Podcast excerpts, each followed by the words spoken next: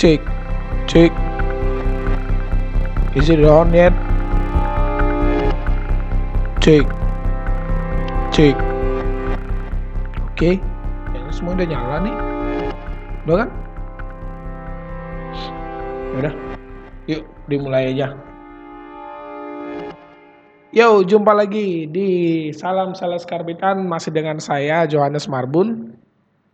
Jadi untuk edisi kali ini kita akan mencoba membahas mengenai sistem yang digunakan oleh hotel untuk meningkatkan direct bookingnya.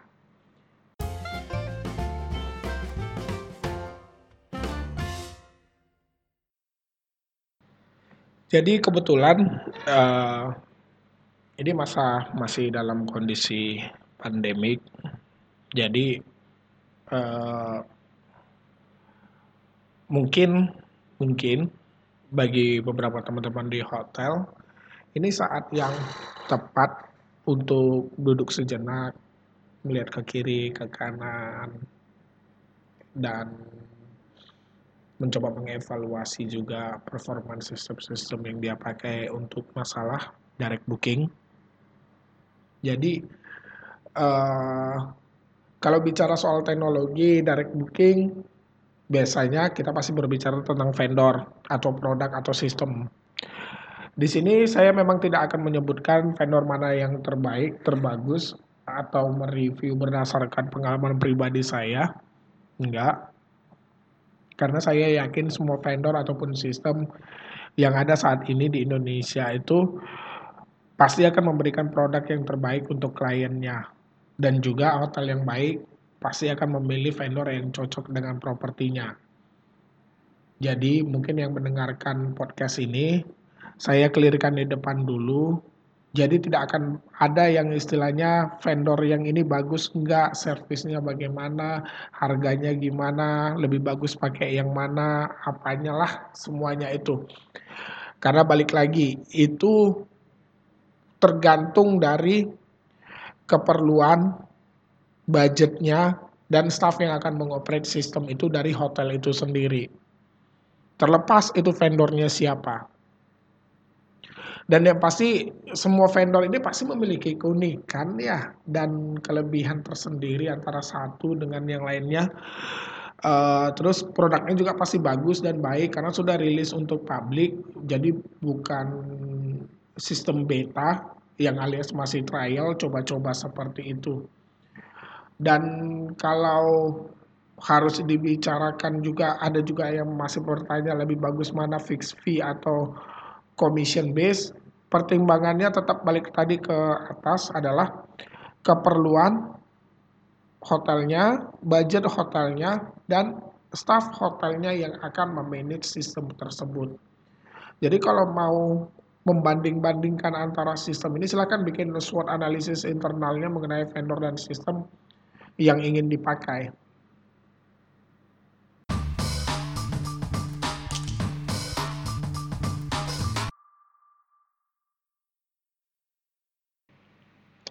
Jadi untuk yang paling pertama, sistem yang ingin saya kenalkan adalah platform digital marketing, di mana di sini konteksnya digital marketing adalah gunanya untuk menggiring tamu-tamu mulai dari uh, eksternalnya hotel untuk masuk ke dalam websitenya hotel. Jadi vendornya ini banyak banget, sumpah banyak banget. Uh, terus platformnya juga banyak banget jadi ini memang sangat berbeda-beda banget karena ada yang dia modelnya ads display network ada juga yang menawarkan SEO ada juga menawarkan SEM dan masih banyak lagi cuma ada yang beberapa pembicaraan sebelumnya adalah ada yang bertanya apakah direct digital marketing ini bisa untuk menaikkan direct booking? Jawabannya bisa tapi tidak menggaransi. Sekali lagi saya sengaja tegaskan tidak menggaransi. Digital marketing bisa menaikkan direct bookingan? Lebih tepatnya digital marketing bisa menaikkan chance untuk terjadinya direct booking. Bukan menggaransi naiknya direct booking jadi it's a bit different. Itu menurut pendapat saya pribadi ya. Kalau mungkin ada jumpa uh, pendapat lain yang mengatakan digital marketing bisa menaikkan uh, menggaransi untuk naikkan direct booking ya it's up to them. Itu opini pribadi soalnya. Jadi ada juga yang bertanya uh, balik lagi nih gitu-gitu aja sih. Karena digital marketing ini mungkin ada yang memang fix fee atau home base. Nah, kalau misalnya kita cerita khusus untuk digital marketing dan kalau lebih spesifiknya lagi khususnya ke ads, saya pribadi senang dengan fix fee, di mana kontrol ada di tangan saya juga, biayanya ada di saya juga untuk kontrolnya. Jadi kalau kita kembaliin ke atas lagi, itu hampir sama dengan hotel itu harus memerlukan memang staff yang bisa mengoperate platformnya jadi tetap aja sih bolak-baliknya ini kita bicaranya ini kalau misalnya mau ditanya teknologi mana yang paling bagus tetap sesuai dengan keperluan, budget, dan staff hotel yang akan mengoperate-nya.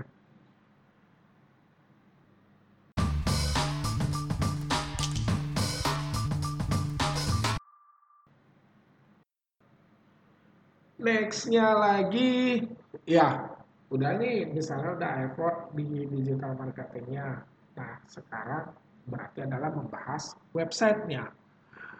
Untuk website sendiri saya tidak akan membahas masalah domain, tidak akan membahas keyword atau apa ini, karena itu lumayan agak sedikit ribet. Jadi lebih tepatnya mungkin hanya dari segi back end-nya aja.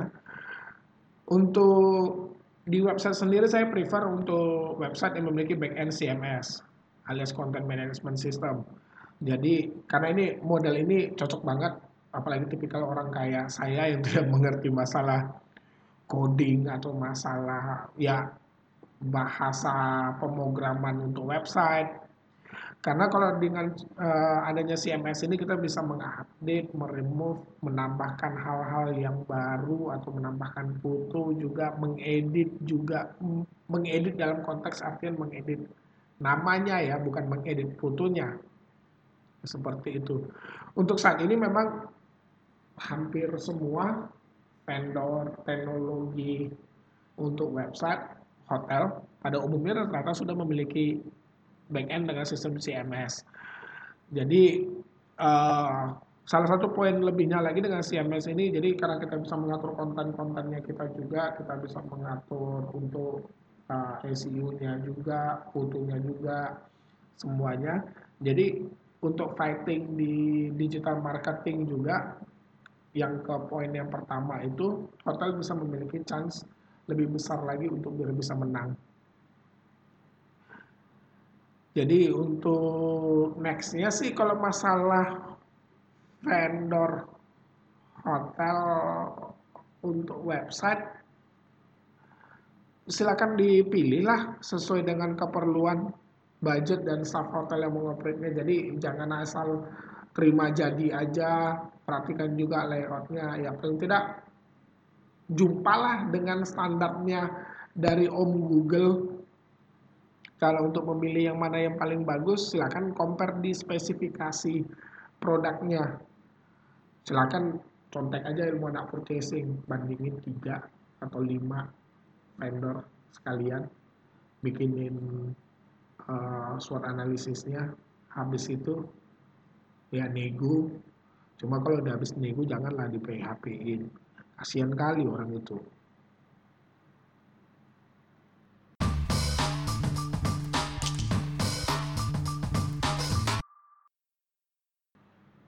Lalu apa lagi ya? Setelah urus marketing, ada website, apalagi yang basic-basic ya, yang paling mendasar ya. Oh, ya, yang nempel di website. Jadi uh, ada yang sedikit trending ya itu semacam kayak saya sih nggak tahu apa nama lebih tepatnya nama toolsnya cuma dari saya pribadi uh, teknologinya menggunakan teknologi micro distraction. Jadi konsep micro distraction ini menarik. Jadi uh, micro distraction itu artiannya adalah ketika kalian mengunjungi satu website website apa pun itu tidak harus hotel. Jadi ada yang mungkin berkedip-kedip atau menarik Anda di ke sudut kiri, atas, kanan, bawah, seperti itu dengan menawarkan beberapa uh, penawaran yang terbaik yang mungkin cocok dengan keinginan keinginannya Anda. Tapi di sini konteksnya adalah keinginannya tamu. Seperti itu. Nah, ada juga sih yang bertanya apakah tools ini penting untuk di hotel? Seperti saya bilang balik lagi ke keperluannya kalian kayak gitu. Uh, kalau boleh sih menyarankan coba cek yang data yang ada. Yang ini setahu saya ya, rata-rata sih untuk hotel yang let's say yang standar, yang demand-nya tidak begitu uh, atau visitornya tidak begitu banyak juga uh, itu bisa dilihat di Google Analytics. Bounce back-nya lumayan tinggi. Nah alat ini bagus banget.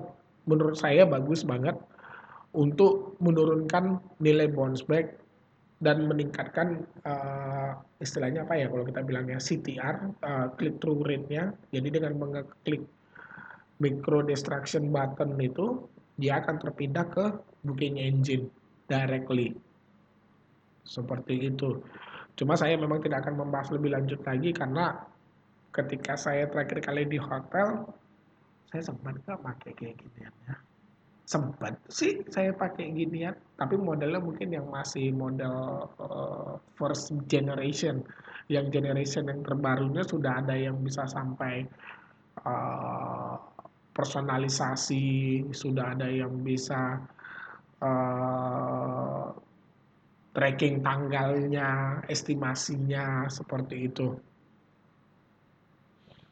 Jadi untuk detail lebih lanjutnya mungkin ya silakan kontak vendor yang menyediakan sistem ini juga. Kalau menurut saya bagus karena bisa membantu mengurangi untuk kategori bounce back. Tamu sekarang rata-rata udah shopping around, habis itu mereka juga uh, begitu mengalami kesulitan untuk mencari tombol book now ataupun segala macam. Jadi tombol ini adalah shortcut sih lebih tepatnya. Kalau menurut saya pribadi ya. Jadi ini shortcut untuk langsung mendapat langsung menuju ke booking engine-nya.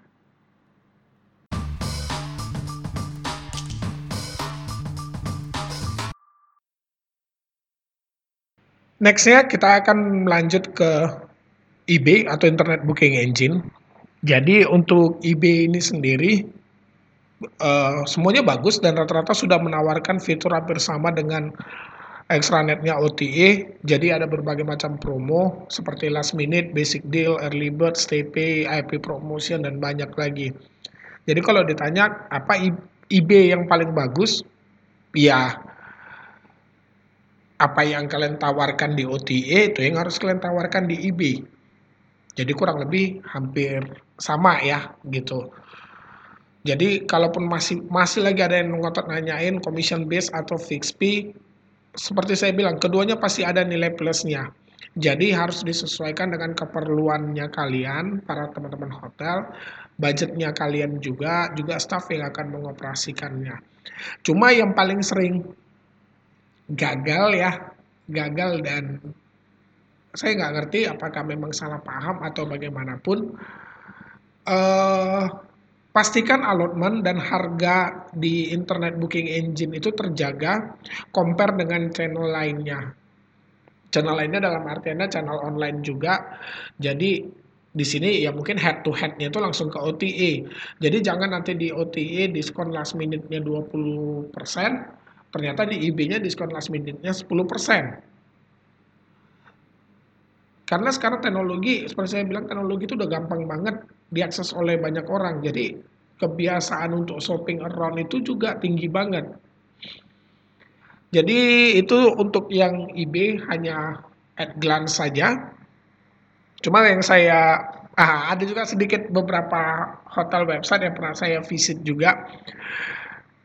Untuk di internet booking engine pastikan memiliki widget atau API yang bisa terkoneksi dengan websitenya karena ada yang memasang tombol IB-nya itu justru nggak di depan, tapi di tombol kontak us.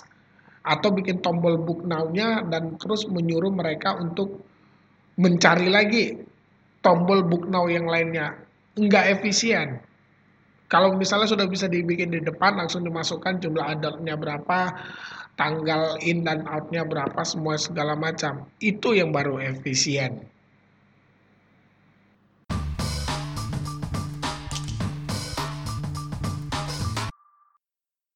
Untuk bagian yang paling terakhir, jadi kalau kita anggap kamu sudah ngikutin step-step yang paling di atas, jadi paling terakhir itu adalah masalah pembayaran. Jadi pembayaran ini adalah salah satu faktor juga kenapa direct booking itu bisa gagal. Jadi kalaupun kalian sudah invest di digital marketing, website, uh, notification tools, ataupun booking engine. Namun begitu tamunya tidak bisa bayar online, ya semua investasi yang di tadi yang sebelumnya itu terasa akan sia-sia. Karena kenapa? Karena kadang-kadang seperti ini. Memang di booking engine memang sudah sudah banyak fiturnya untuk mengcapture payment secara online. Tapi itu hanya bertugas mengcapture, tidak memverifikasi ataupun tidak memproses transaksinya. Kalau zaman dulu itu ya agak sedikit bit annoying ya karena di Indonesia kita masih memakai sistem SOF bahkan hingga sekarang. Terus tamunya booking, habis itu dihubungin kan untuk ngisi form SOF semua segala macam, terus nggak bales. Udah. Eh, ujung-ujungnya jadinya no-show. Nah, kita coba kasih term and condition misalnya 2 kali 24 jam, terus kita cancel, tiba-tiba tamunya booking lagi. Ya, yeah, it's bit annoying. It's bit annoying. Jadi, untuk vendor teknologi pembayaran ini banyak banget sih sebenarnya. Cuma yang pasti kalau saya pribadi menyarankan kalau bisa ketika tamu sudah di dalam halaman pembayaran, jadi nama hotelnya itu tertera sebagai nama merchant. Nah, kenapa bisa begitu dan kenapa harus begitu? Karena biasanya kalau nama perusahaan yang sebagai merchant utama berarti memakai rekeningnya dia atau banknya dia sebagai pemproses transaksi. Kalau pakai nama vendor, biasanya uang akan ditahan kurang lebih tiga hari, kurang lebih uh, tiga hari kerja ya. Jadi tidak termasuk hari libur uh, akhir pekan, libur nasional juga. Nah, terus pastikan juga kalau bisa kontrol pembayaran itu adanya di hotel. Karena kenapa? Hotel ini termasuk industri yang high risk. Jadi uh, faktor fraudnya sangat tinggi banget. Terus kalau kontrol itu tidak ada di tangannya hotel, jadi kemungkinan besar contohnya seperti kayak nge-refund atau mengauthorize atau mengcapture payment. Nah, apalagi refund di Indonesia itu sangat ribet banget. 14 hari cuy, baru bisa nge-refund. Standar itu dari Bank Indonesia. Bank, bank yang ada di Indonesia, uh, ada juga sih nawarin bisa tujuh hari juga, ada juga yang seperti itu. Nah, takutnya itu adalah nama hotel itu brand image-nya hotel itu bisa jelek karena tamu komplain refund terus uangnya nggak masuk masuk udah gitu dipostingin lagi di TripAdvisor di Yelp atau di Google review. Jadi it's a bit annoying. Terus untuk tamu yang uh, memiliki tamu dominan dari luar negeri pastikan juga untuk vendor pembayarannya sudah mengakomodir sistem yang terbaru. Saat ini sudah menggunakan 3D secure tapi yang 2.0 bukan yang 1.0 lagi. Uh, 3D Secure 2.0 ini kelebihannya adalah semua transaksi tam akan tanpa OTP, tapi ini akan di-enroll itu seluruh dunia. Saat ini sudah berjalan, saat ini sudah berjalan, dan itu total seluruh dunia itu semua kartu kredit dan kartu debit itu sudah wajib di-enroll 3D Secure yang 2.0. Dan selain itu kita bicara dengan uh, keefisienan ya, Nah, kalau yang third party control itu biasanya memiliki charging fee itu mahal banget 2.75 sampai 3.5 untuk kartu kredit ditambah juga settlementnya yang begitu lama. Jadinya ya agak sedikit puyeng juga gitu udah uangnya lama masuk terus potongannya tinggi lagi. Itu aja sih kalau secara garis besar teknologi yang digunakan oleh para hotel untuk bisa meningkatkan direct bookingnya jadi seperti saya bilang di awal lagi, pastikan dulu keperluan, sesuaikan budget, dan juga siapkan staff yang untuk memanage teknologi yang akan digunakan. Jadi bukan masalah uh, vendor A bagus, vendor B jelek, vendor C biasa saja, tidak. Atau sistem A bagus, sistem B jelek, sistem C biasa saja, tidak.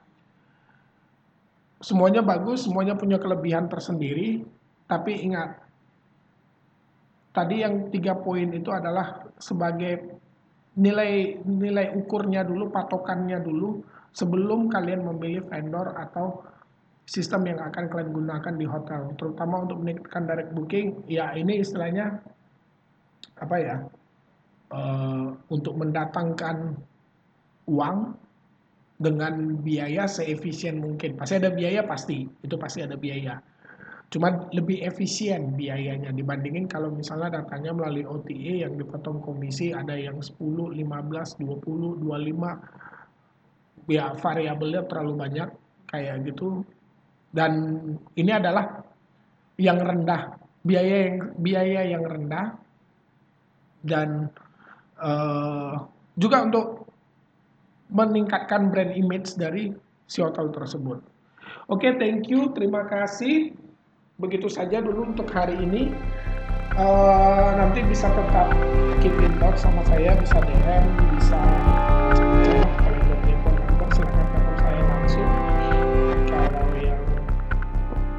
masih ragu-ragu juga ya boleh diskusi juga lebih panjang lagi. Akhir kata saya Johannes Kurniawan Marbun.